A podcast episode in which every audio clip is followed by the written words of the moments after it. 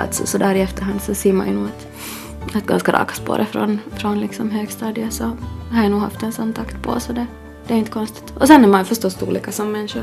Jag är nu en sån där som, som tänker mycket och oroar mig mycket och, och är bra på att planera inför mycket och vill för mycket. Och det där att lära sig och, och sätta gränser och, och fast man vill så att man inte alltid liksom, så det är nog jättesvårt för mig.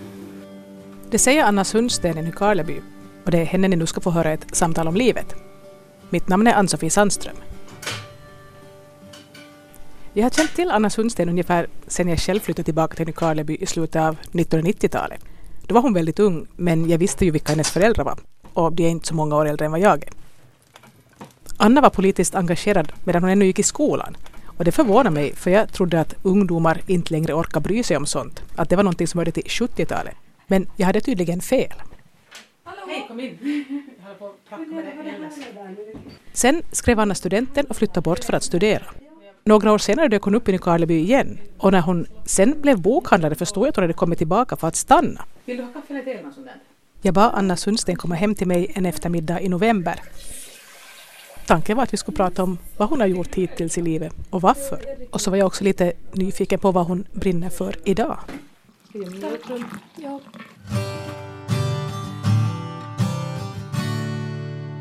Anna Sundsten heter jag och jag är 28 år gammal. Bor i Nykarleby. Företagare. Jag är sambo och vi väntar en baby i januari. Sen uh, djurvän och aktiv. Vad mer vill du veta? Berätta mer om varifrån, var, var du växte upp. Och. Uh, jag är född i Jakobstad och bodde där tills jag gick i lågstadiet. På ettan då flyttade vi ner till Korpu i skärgården utanför Åbo. Och där bodde vi sen tills jag började högstadiet då vi flyttade tillbaka hit upp till Nykarleby, men vi bodde i Munsala då. Så du har varit liksom, du är född i Österbotten och sen varit borta? Mm, kommit tillbaka, ja. Sen har jag varit och studerat där nere emellan och så kom jag igen tillbaka. så jag känner mig nog ganska, ganska sådär all finlandssvensk på det sättet. Även om vi nu inte har bott i, i Helsingfors-trakten men... Det är så lustigt för jag minns ju din mamma från skoltiden och Just det, din pappa minns jag inte så bra men att de Nej. kan... va- De var samma årskurs nog. Det var det, men jag minns henne Ja. bättre för att hon bodde på samma gata. Mm. Ja, när han var ju från Munsala så han Ja, var ja. ju inte stadsbo. Och din pappa är präst. Mm. Var det därför som ni hamnade och flyttade på det sättet? Att han... Ja, det har nog varit på grund av pappas jobb som, som vi har flyttat lite av. Han, han är sån här människa som jag vill pröva på. Men att jag tycker nog att det på det stora hela har varit mer bra än dåligt ändå. Att Att flytta som- ja. Mm. Det var, var det aldrig så att du liksom kände att du hade lyckats få just en... Jo, det är och klart att man tycker då när man är liten att, att det är jobbigt att trivas upp liksom från vänner och skolklass och sådär. Men att eh, sen sådär i efterhand så tycker jag nog att det har varit jättemycket att liksom ha, jag skulle inte ha velat vara utan de erfarenheter jag fick när vi bodde i, i Korpo. Jag skulle inte heller ha velat bli kvar och att inte ha flyttat hit sen.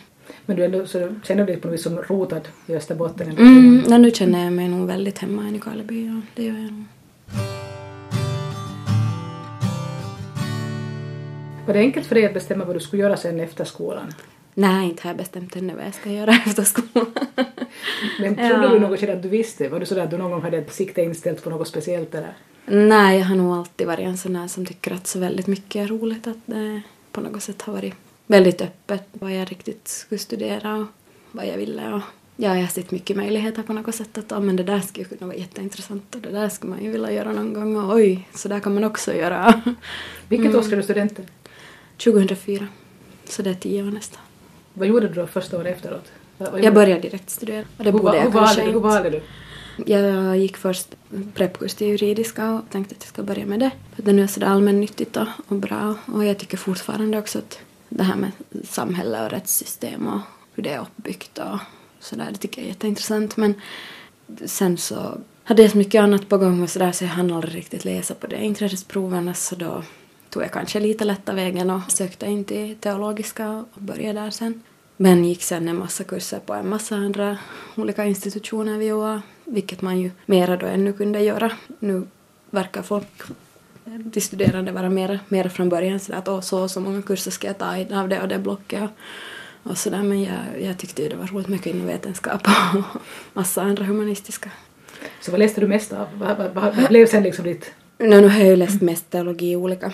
Att jag har, har huvudämne teologisk etik med religionsfilosofi så det, det är mycket rätt och fel frågor och stora diskussioner om livet. Är det sånt som du tycker bara att det är intressant eller ser du också det som någonting som man kan ha något nytta av? Uh, jag ser väl att den där examen kan man sen ha någon, någon nytta av och jag borde väl försöka krafsa ihop den här nu i något skede ganska snart. Jag skrev in mig nu igen på hösten men det där det har varit lite annat nu. Sen har jag ju gjort något i höst heller så vi får se. Men eh, kanske nu när barnen har kommit och man är hemma och barnen blir förstås jätte, jättebra för mamma att studera med och, och sådär. så. Nej men jag börjar nog känna att det, det är liksom ska det hända så, så borde det börja hända. Men det där, inte, inte har jag ångrat någonting som jag har gjort. Och att det har tagit länge eller det har varit allt varit jättelärorikt. I vilket skede började du intressera dig för politik och sådär? Jag minns att du var med i det här. ja, det var nog redan under, var jag kanske på min första elevriksdag på nian, tror jag. Och så då var det först FSS och, och sen efter det blev det Svensk Ungdom då, SFPs ungdomsorganisation. Hur, hur blev du intresserad av sånt? Jag menar, det är ju som det skulle vara en lång tid när ungdomar inte alls bryr sig. Ja, nej, nu tror jag... Jag tycker att folk är nog... Och, men kanske mer så sakfrågor än det där stora engagemanget. Jag vet inte hur jag började med det. Mm. Alltså var det någon person som drog det med eller var det så att du bara började fundera på de här sakerna själv eller hur, hur kom det sig? Uh, nej, jag har nog alltid varit, varit en sån där som har sån ansvarsperson i skolan och redan som liten så var jag med i den här WWFs djurpandaklubb kanske det hette någonting och fick redan miljöintresse och det har jag haft jättelänge. Och sen så blev det också den lågstadiet som vi hade någon från Amnesty som var och berättade, minns jag, jag blev jätte, jätteengagerad i av så där så att nu hade tydligen funnits där ganska länge. Så någon, någon väg har jag nu hört om eller blivit mednappad då i, i det här och det, blev, det har nog varit bra. Hur pass aktiv är du nu? No, nu är jag sådär lite kommunalpolitiskt aktiv. Jag sitter med i bildningsnämnden och är ordförande för kultur och fritid. Och så är jag kvinnoförbundsordförande men det är nog tyvärr en ganska tynande tillvaro där just nu. Någon skulle behöva lite dra igång där igen. Att det, där, det, det känner jag kanske. Jag tycker det har varit många saker som kvinnoförbundet nu har, har haft som frågor och jag skulle vara intresserad nog av att, att kanske lite mera, mera hålla på med det men tiden, tiden. Du sa att du läste också sådär kvinnovetenskap när du var i mm. Åbo. Var det ett intresse du fick där eller hade du också haft det här? Det är nog mamma. Tack mamma. som har lärt mig och upplyst mig. Jag minns eh, tolv kanske jag så fick jag en sån bok som hette Ett hjärta i jeans och den var kanske en liten sån ögonöppnare. Det var jätte, jättebra bok. Var det som just riktad till? Unga kvinnor, ja det var ett gäng i, ska vi säga, kanske det var 20-årsåldern som hade skrivit liksom att det här önskar jag att jag skulle ha förstått tidigare. Och, eller kanske det var 2025. Och det var om allt liksom. Synen på sig själv och, och kropp och sånt och, och relationer och samhälle, jämställdhet och mycket så här förväntningar på pojkar och flickor. Och... Fäste du dig vid sådana saker att du märkte att det förväntades olika saker av pojkar och flickor? Jo, jo, det hade jag ju nog alltid gjort. Nu tycker jag att sen, sen man någon gång har fått ögonen öppnade så inte, inte går det liksom att stänga dem sen mer än osimande hela, hela tiden. Vad, vad tänkte du om det? Uh, just i gymnasiet så då var jag väldigt sådär intresserad av, av det här. Jag läste massor av Linda Skugge och jag läste hennes blogg och, och böcker och var väldigt sådär, höll, höll med henne i allt. hur inverkade det på hur du betedde dig och hur du liksom, vilka val du själv gjorde? Nej, jag hoppas att jag kunde liksom vara en inspiration sådär i att våga vara framme och våga säga och tycka och sådär.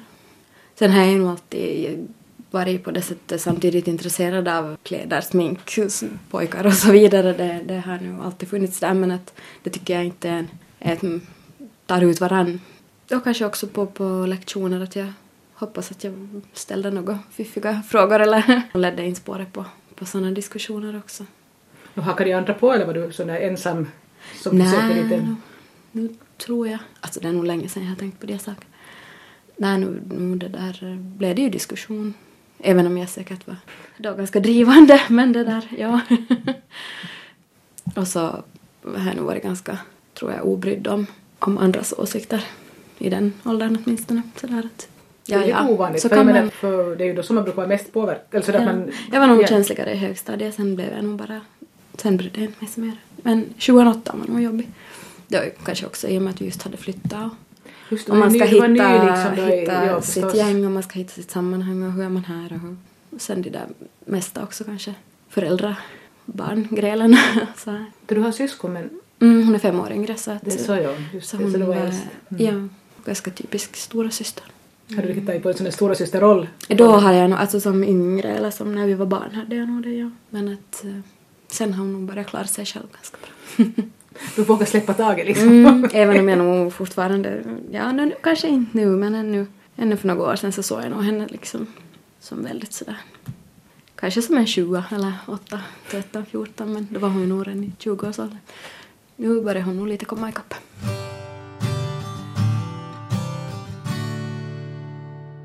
Det här är ett samtal om livet med Anna Sundsten i Nykarleby som efter gymnasiet började studera teologi i Åbo. När du valde att studera, då söka till teologi, var det liksom det bara det var enkelt val eftersom det fanns i, fanns i familjen så att säga, eller var det att du tänkte dig att du skulle bli präst eller någonting? Nå, både och nog. Jag har haft i, i lågstadiet hade jag jättestarkt liksom avståndstagande på något sätt och, och ännu kanske också de där för- första åren i högstadiet att jag, jag var helt sådär nej, jag är inte alls intresserad. Tyckte det var, det var som jobbigt och, det var någonting som jag, jag funderade jättemycket på att om jag alls tror och tycker och, och liksom vet, kände inte mig riktigt hemma. Men det där eh, Sen så, jag vet inte om det var då kanske jag började följa med lite när Maria Sundblom också och hon är ju väldigt klok och bra människa tycker jag. Det där. Mm, och så att man ju nog kan vara på olika sätt också inom kyrkan och sådär. Så du hade den där protesttiden ganska tidigt där? Mm, jag hade nog det, ja. För att just då före jag skulle bli konfirmerad då funderade jag jättemycket på om jag alls ville bli konfirmerad och sådär. Men sen tänkte jag att nå, man har ju det gjort färdigt ifall man sen någon gång vill, vill i alla fall gifta sig eller någonting sådär där. Men... eh, Men det hade du inte ännu velat gifta dig? Nu inte skulle jag säkert ha något emot det. Men det har nu inte bara blivit Och det har inte varit kanske läge. Men det där... eh, Ja, men eh, ja, då både ja, att det var ett enkelt val eftersom jag, jag skrev också ganska mycket religionsfrågor i, i studenten så jag tyckte jag hade det ganska i färskt minne och mycket av det. Så intresserade nog det där lite också. Jag tänkte på det här med när du då valde teologi och då Mm. hade den fått en sån här lite, som man kallar det feministisk uppva, ett uppvaknande där Mm. tidigare. Så det är då som att du skulle kunna inom kyrkan också på något vis bidra med såna Mm. Och det väl kanske det jag ännu också tror. Eller sådär känner att det skulle vara, vara en uppgift sådär att man skulle säkert ha en plats där också. Att föra sina, sina åsikter och sina frågor och kunna bredda det på, kanske på något sätt.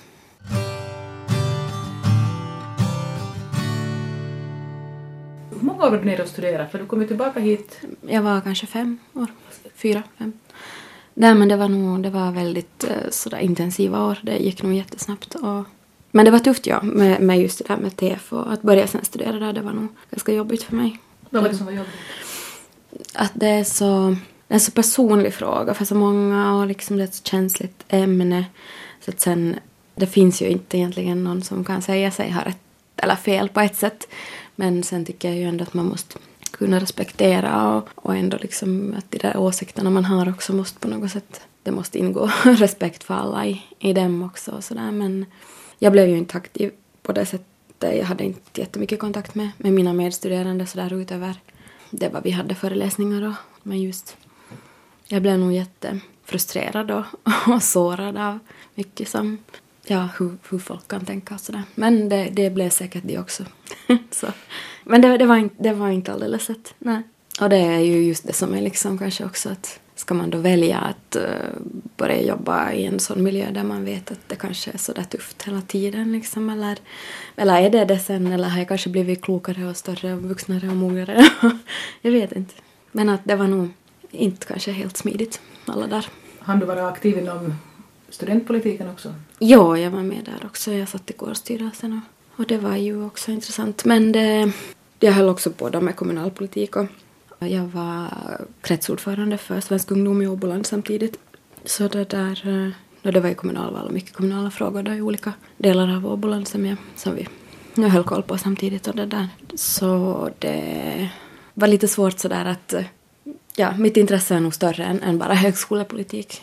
Men att det var, det var jätteintressant att vara med och det var, vi gjorde en bra, jättebra, ett jättebra kommunalval då i, i Åbo, liksom studenterna för att vi gick gemensamt ihop om vissa frågor och, och gjorde liksom att alla högskolor då hade samma, samma frågor på agendan. Jag tyckte att vi fick gehör för dem och sådär.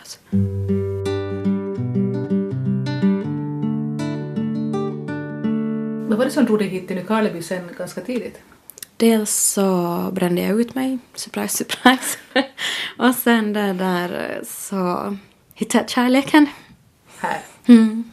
Så jag tänkte nu först att, att nej, jag tar jag klarar just och just att sköta de där uppdragen till slut och, och sen så, så flyttade jag hem ganska med röda rappe och så tänkte jag att det skulle liksom räcka att jag, jag får avstånd till tid och alla uppdrag och studier och så vidare men det där jag fick nog sjukskriva mig sen. Jag var sen sjukskriven i nio månader.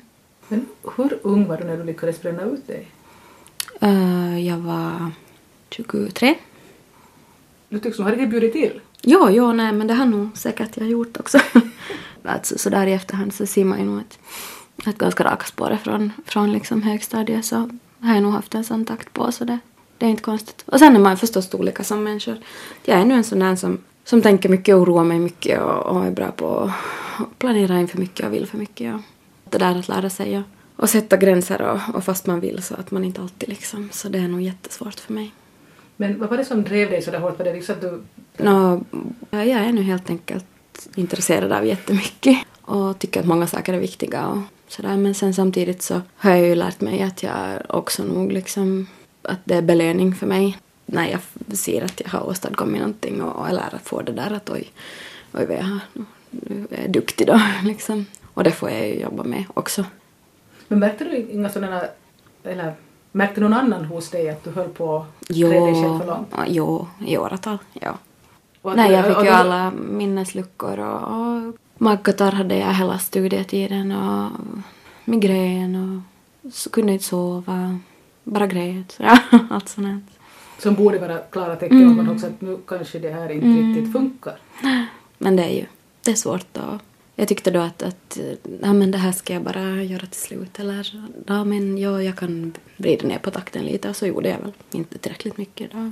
Men det vissa är sådär, jag lär inte mig innan jag Så hur långt, Gör det hur, ordentligt. hur långt måste det gå för att du skulle inse att du faktiskt hade kört slut på dig själv sådär? Och sen när man inte liksom, när ingenting är roligt och jag var, var totalt trött hela tiden och jag började märka att sånt som jag egentligen tycker är roligt inte är roligt och när allt redan att man får ett sms så känns som att oj nej jag måste svara nej varför vill mig någon någonting och, och liksom att eller att att packa väskan då man ska hem till Österbotten var för mycket. Jag måste bara liksom sätta mig i en taxi och komma fram till tågstationen och på tåget och så hem och, och sådär. Och det, det gick ju inte mera. Alltså, som sagt, jag klarade just att, och just att liksom sköta mina saker vad jag behövde då fram till julen och sen så efter det så fick jag nog bara. Och det var jätteskönt. Det var en otrolig lättnad att, att få sluta med allting då.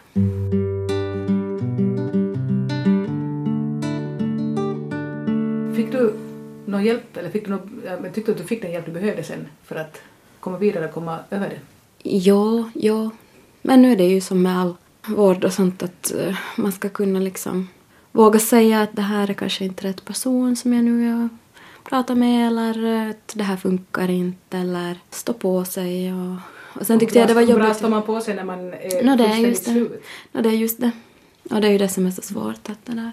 Jag hade mycket sådär att eh, när jag då skulle förlänga den där sjukskrivningen så skulle man ju säga själv att behöver jag vara sjukskriven mera. Och det är ju jättesvårt. Det var liksom, jag kände mig jätteskyldig varje gång att, när jag sa att ja, att jag är fortfarande liksom så trött. Det funkar inte ännu och, och sådär. Och. Men att det där tycker jag är hemskt konstigt att det är den som, som är så att säga patient och själv ska säga att och då är det ju just i mitt fall då att jag är den här duktiga. Och då vill man ju bli frisk snabbt och det är klart att man vill vara den här mönsterpatienten då också. Och så här, och det är ju, det är ju bakvänt nog.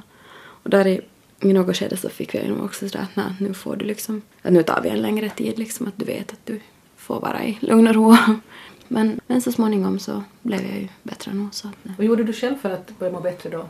Nå, framförallt försökte jag nu då hålla mig ifrån att engagera mig så hemskt mycket. Men eh, det var så lite jag orkade göra och kunde göra så att eh, nej, jag ville inte se någon människa alls. Det var liksom bara jättetungt. Så jag ville bara se Rolf, bara vara hemma. Det är jättesvårt. Det är liksom, jag tycker nog att det, har man en gång så tror jag nog att det är någonting man får akta upp med för att jag, jag har lätt för att hamna där igen.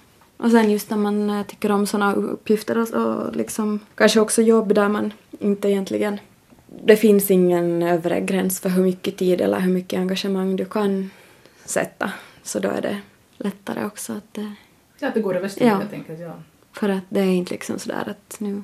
Man får sällan tack och man får sällan liksom att... eh, Åh, så här många övertidstimmar har du nu eller liksom, ja.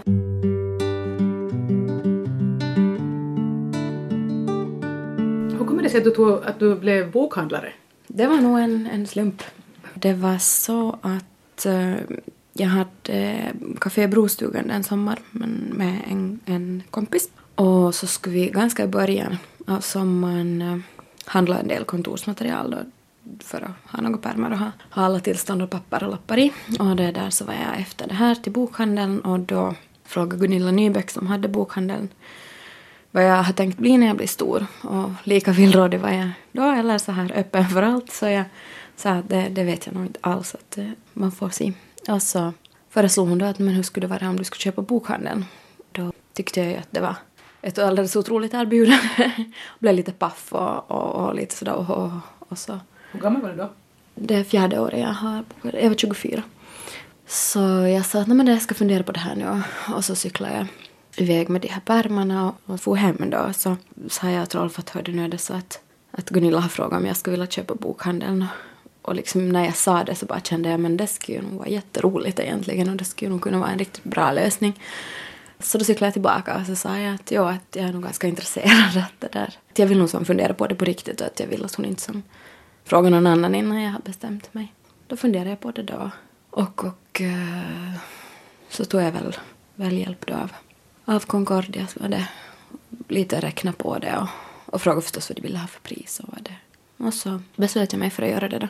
Men det kändes ganska så här illojalt mot, mot andra Anna då som jag hade brostugan med för att det där liksom snurrade ju på lite i, i mitt huvud då hela sommaren samtidigt som vi ju hade händerna fulla med, med café och vi jobbade jättemycket. Därför att vi hade då lovat att ta det på två år och då visste jag ju att jag kan ju inte liksom det där andra året och det där kände jag ju mig då dålig över liksom att jag inte kunde finnas där för henne då den där andra sommaren. Och, men säkert förstod hon det mer än vad jag tänkte att, att hon skulle bli sur och sådär. Men Men det här var då efter att du varit utbränd?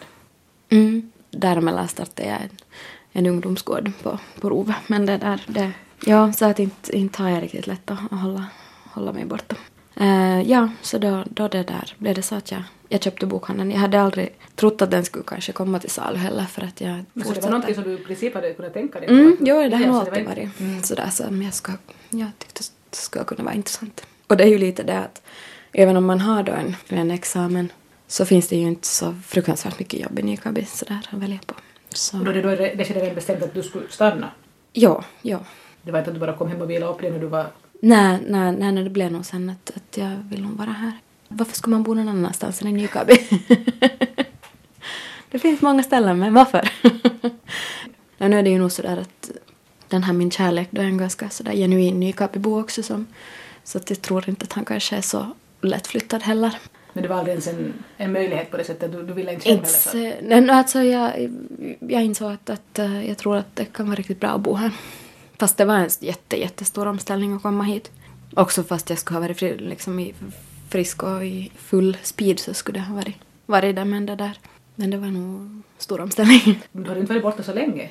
Kanske vad det var också att just att jag var som så uppskruvad och sådär att jag tyckte att, att tempo var så annat och, och förstås så ändrar ju mitt eh, dagliga liv och mitt umgänge helt enormt från att ha liksom varit mitt i högskolepolitik, mitt i smeten och sprungit på en massa möten i, varit med där det händer på något sätt väldigt mycket mer och så mitt i allt så satt man i en, i en liten stuga på Källbacken och tittade på när det snöade så det var inte liksom, det var nog som natt och dag. Och sen var det ju, jag lämnade ju, inte flyttade ju någon av mina vänner med hit liksom och då. Här fanns ju andra vänner som, som jag liksom fick ta upp kontakten med och sådär men att de som jag nu kanske hade umgåtts mest med så, så finns inte här idag heller. Så det, det kändes som att, att eh, lite att välja bort dem nog också. Och sen medan jag då så pass tidigt valde att, att flytta tillbaka till, till hemstan och en liten ort och så här så så via Facebook har jag ju då följt också alla andras liv som åker och far och de är på weekendresor och de har spännande jobb i stora städer och det är liksom och ibland så känner man ju att det skulle kunna vara jätteroligt också. Men det är ju, man får ju inte allt och, och liksom jag väljer ändå det här. Men ibland kan man bli avundsjuk.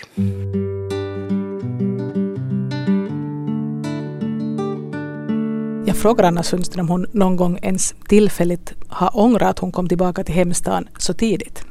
Uh, no, I och med att det blev som det blev och, och jag mådde som jag mådde så tror jag nog att det var absolut det bästa. Men det där, det kan jag ju och tycka att varför kan jag inte vara en klokare person som inte bränner ut mig eller som, som skulle ha kunnat ta det lite lugnare eller ta saker på ett annat sätt. Jag vet inte om det skulle gå gott att undvika. Men det där. Men ja, det finns nog väldigt många saker som är bra med att bo här. Så jag, jag vet inte om jag ska. Men det har jag sagt flera gånger. Att jag skulle gärna vilja fara så här några månader eller ett halvår utomlands och bara bo någonstans och jobba med vad som helst men bara för att få kanske vara på kontinenten eller fara till USA eller till Afrika eller jag inte vet jag. Vart som helst lite. Men ja, kontinenten skulle nog vara lite, det skulle vara lite roligt. Man skulle få bilar och se alla de här ställena som, som man tycker att man behöver sitt. Det tycker jag ska kunna vara en sån här, sen då vi, ja, men blir det sen någon, någon sån dödtid i livet då man bara, oh, nej, nu vill vi göra något annat. Jag vet inte, kanske det kommer att gå så hårt de här åren nu så inte man alls hinner få stråket. vi ser. men det är inte omöjligt. Men att det skulle vara tillsammans, hoppas jag. Anna Sundsten blev företagare i och med att hon köpte bokhandeln i Nykarleby. Och jag frågade henne hur det har varit eftersom hon, vad jag vet, inte har någon företagarbakgrund. Nej, jag har, vad ska vi säga, min pappa har ju alltid jobbat för mycket och för långa veckor och dygnet runt och, och veckoslut och, och sådär så att på det sättet har jag ju, jag är inte främmande för att man jobbar långa dagar eller andra tider än, än mellan åtta och fyra eller nio och fem. Och också så är mina båda föräldrar väldigt sådär arbetsamma, eller vad ska jag säga. Men det där, eh, vi har ju inte företagande när, inte i, mamma, mamma eller pappa, men morfar var företagare. Men det där, ja, det, det har nog varit också sådär för mig väldigt learning by doing. Jag hoppar ju på som så snabbt och sådär att ofta kanske man då går någon företagarkurs och planerar att nästa år ska jag starta ett företag eller att man har lite i liten skala börjat med någon, någonting då som, och så, så får man som lära sig lite mer då innan man börjar på riktigt. Men eh, jag har nu gjort mina misstag och betala för dem. Men eh, nu har det gått. Det, det, var ju väldigt tråkigt att Gunilla dog ju ganska och blev ganska sjuk ganska fort efter att hon hade sålt åt mig. Så att det där, jag har ju inte haft möjligheten heller att kanske bolla så mycket med henne eller på det sättet för att jag kände att jag inte vill, vill tränga mig på då i och med att hon blev så sjuk och, och så här. Men det där, jag vet inte heller att skulle jag ha, ja, kanske jag skulle ha gjort likadant ändå fast jag skulle fråga någon. Att det där, jag är ju ganska sån där magkänsla person och ganska impulsiv och så att jag gör ju som jag gör och, och så säkert skulle man också kunna vara och ha nytta av att vara en person som skulle sitta mera med, med, med min räknaren och göra upp små budgeter och följa upp lite mer. Det tror jag att säkert skulle vara väldigt bra. Men det har i alla fall gått? Det, det har gått runt, ja. Men det är, nog, det är nog en utmaning. Och det säger jag ju nog, liksom oberoende hurdan person man nu är och sådär så, så är det ju kämpigt att ha en liten butik. Det ska inte vi sticka under stol med. Men jag tycker ju att det, att det är tråkigt med de här leverantörerna och märkena som, som men förstås att liksom beställa någon en, en jättestor beställning på tusentals till någon, någon kedja så är det ju klart att de får ett annat inköpspris men det blir ju som så omöjligt att konkurrera då med priser om folk då faktiskt bara tänker med plånboken så är det ju ganska självklart då att man köper sina produkter någonstans där de är billiga. Och så får jag försöka vara den här kompletterande då och kanske erbjuda lite andra böcker än de som är bredvid kassan i matbutiken. Det är min telefon. Uh, ja, det är det som man som liten detaljhandel kan göra eller sådär eller tycker att det, det ska vara min min grej att jag försöker ha ett lite personligare utbud och, och kanske känna till lite mer om det jag säljer och sådär. Det är väl enda, enda trumfkorten man kan ha på det sättet. Hur mycket hinner du själv läsa? Inte alls så mycket som jag skulle vilja förstås eftersom man ju vet om alla intressanta böcker som kommer så skulle det ju vara, vara otroligt roligt att hinna läsa mer. Men eh, det är väl samma problem som alla människor som är intresserade av litteratur har. Men mycket hinner jag ju läsa om och, och liksom hålla mig ajour med i alla fall. Men det där, nu läser jag ju mycket ändå, det gör jag ju. Men att eh, det skulle vara, vara kul förstås att hinna ännu mer. Brukar du själv skriva också? Nej, det måste jag nog säga att jag inte gör. Det skulle också vara säkert roligt att göra. jag tycker att det kräver en, liksom, en viss sorts ro ändå som inte jag kanske har just nu att skriva. Det skulle vara säkert jättegivande. Bara, bara liksom någon sorts form av dagbok skulle ju säkert vara jätteskoj. Men också längre texter skulle säkert vara, vara roligt att skriva.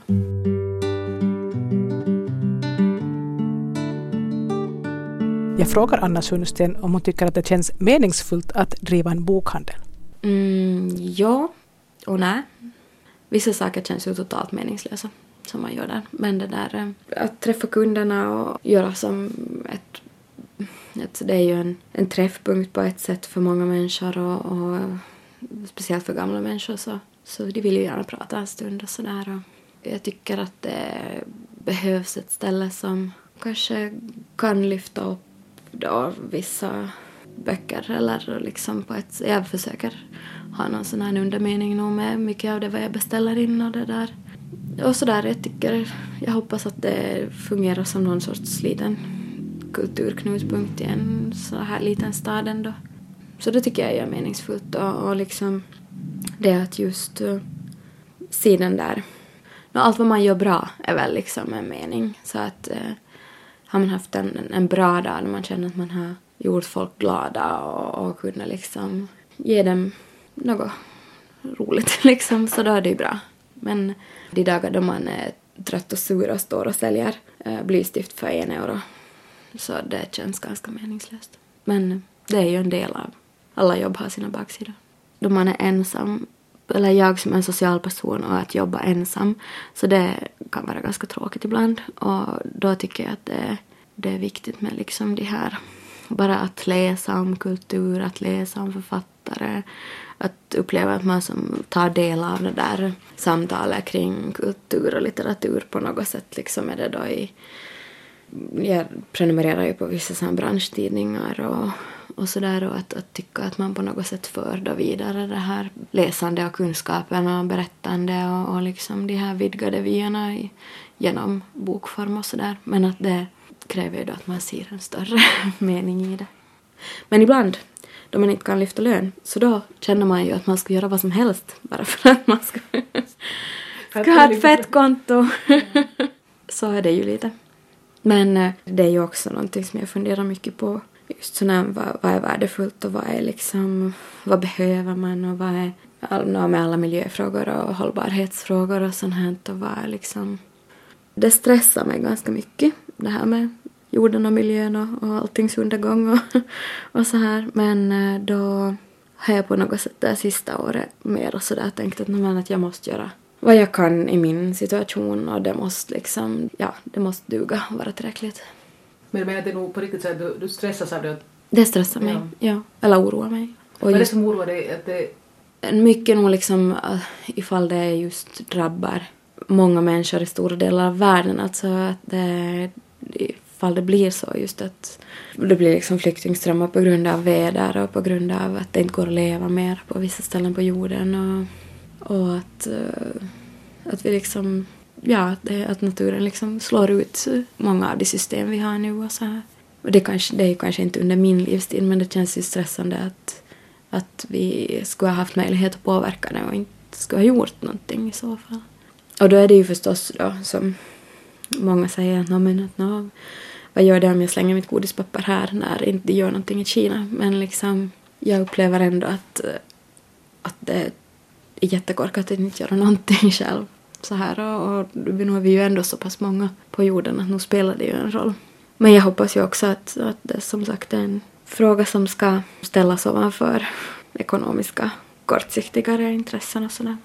Men nu är det ju lite som, som det var just, det var väl Vetenskapens värld eller någonting där, där de var i Kina och där de liksom förra vintern inte kunde andas i storstäderna. Då blir det ju att vi måste ju göra något, liksom att när det faktiskt börjar ge sådana effekter att att bara de rika som kan flytta ut till något hus på landet så får frisk luft, resten får gå med gasmask liksom. Så då är det ju inte, då börjar man ju kanske förstå.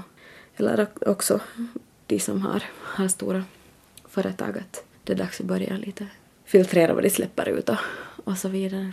Men, men också sånt där är ju som, ja, med då egna livsval och sådär så det, det jag tycker det blir som så jätteaktuellt nu också när vi ska få barn så finns det liksom en uppsjö av produkter. Det finns en eh, miljon råd. Vad är då bra, dåligt, gifter, eh, material? Liksom att det, det är jättemycket som man hela tiden ska läsa in sig på och ta ställning till. Att det liksom, om man är som jag, som är intresserad eller liksom som upplever att det är viktigt att, att göra ett bra val. Då, så här. Så man kan ju också bara ta det som finns. Hur, hur gör du då? Liksom jag försöker läsa på nätet, i böcker, i tidningar så här och fråga förstås andra hur jag hade gjort. Och... Vad har du kommit fram till så här långt? Hur du ska förhålla dig till just sådana saker som... Nå, lite samma där att enligt hur jag har, mycket jag nu har råd att liksom skaffa de här dyrare miljövänligare produkterna. Och, men så kommer man ju vara glad då att, att eh, jag har en svärmor som tycker om att sticka liksom. Då kan jag få de där hemstickade kläderna vi bor på ett ställe där mitt barn bra kan sova ute på gården för det är ren luft och liksom men sen kanske jag inte har råd att köpa den här ekologiska madrassen för 400 euro till barnsängen och så här att eh, då kanske den tyvärr får sova på den här skumgummimadrassen som kanske då släpper ifrån sig gifter men då kan vi hoppas att eftersom den inte är alldeles ny så kanske den har släppt bort det där mesta av gifterna och sådär. Men det känns ju lite hemskt då det ska komma en ny person att liksom om man tänker att kommer man att peppra den här full nu då med en massa massa plaster från början. Jag vet inte. Då på den tiden när jag var i lågstadiet så då var snackade det här att vi var en för många på jorden. Mm. Och det bidrog kanske till att jag redan tillsammans med min kompis i 11 år kom på att inte ska vi ha något barn, det finns mm. redan för många. Det har jag också tänkt. Men... Eh, sen ändrade du dig? Ja, sen så tyckte jag att det skulle ändå vara, vara nog så roligt att få ett eget barn. Men jag skulle också bra kunna tänka mig att adoptera något barn också. Man får se. Eller så kanske det blir ett så jobbigt barn så det blir bara ett. Vi ser. Men du har alltid tyckt att i princip att du vill ha barn någon gång? Att det var... Ja, nu har jag väl det. Nu har jag också...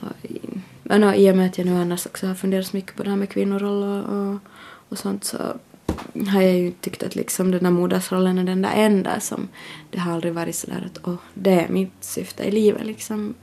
Men eh, jag är väldigt familjekär så att, att på det sättet min egen familj är jätteviktig och de som jag räknar till min familj och, så på det sättet kanske det sådär ändå har funnits där att säkert vill jag ändå någon gång även om inte jag vill nu och sådär men, men just att jag hoppas jättemycket att jag fortsättningsvis också är en egen person efter att barnet kommer. så tänker jag just nu att det på något sätt är väldigt viktigt för mig att jag ännu är en vuxen människa också som inte bara är en mamma men du kan fråga mig på nytt om fyra månader. liksom hur var det nu egentligen då? Mm. Men uh, jag tycker också att det blir väldigt sådär utmanande och intressant att se hur mycket som vi delar för, på, på föräldrarollen och föräldraskapet. Och... Har ni pratat om de här sakerna på förhand? Ja, vi har nog pratat en del. Är ni överens? Ja, nog sådär i, i teorin så får vi se hur det Men uh, där är min min där största fråga just nu liksom med, med amningen och sådär då eftersom ifall man då ger flaskmat så kan man ju delas mycket mera på det och, och båda får, får vara mycket med barnet och sådär men att äh, ammar man så då är mm, ju barnet väldigt beroende av mamman och, och jag blir väldigt fast också.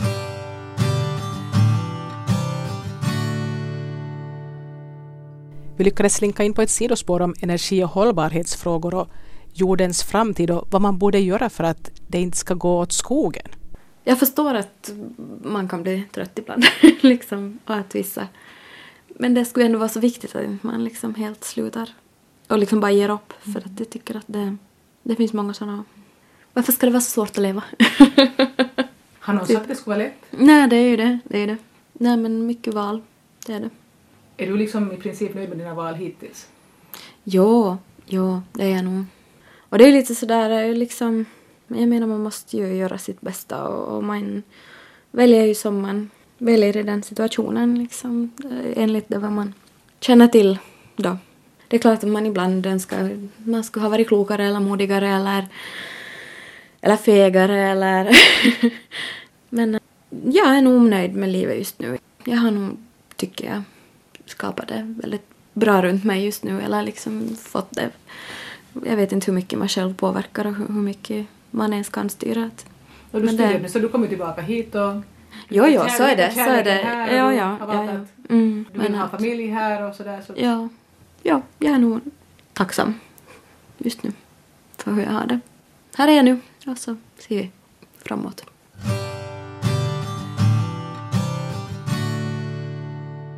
Till sist frågar jag ännu Anna Sundsten vad hon anser att är det som har format henne till den person hon är idag. Det att jag är så ansvarstagande, eller ja, det här duktig, tänker säkert. Och sen det där eh, väldigt mycket sådär att okej, nu har det gått dåligt men nu jag läste någonstans att Mark Levengood har sagt att bryt ihop och kom igen. Liksom. Och det är väl lite så. Jag är upp med hakan och vidare.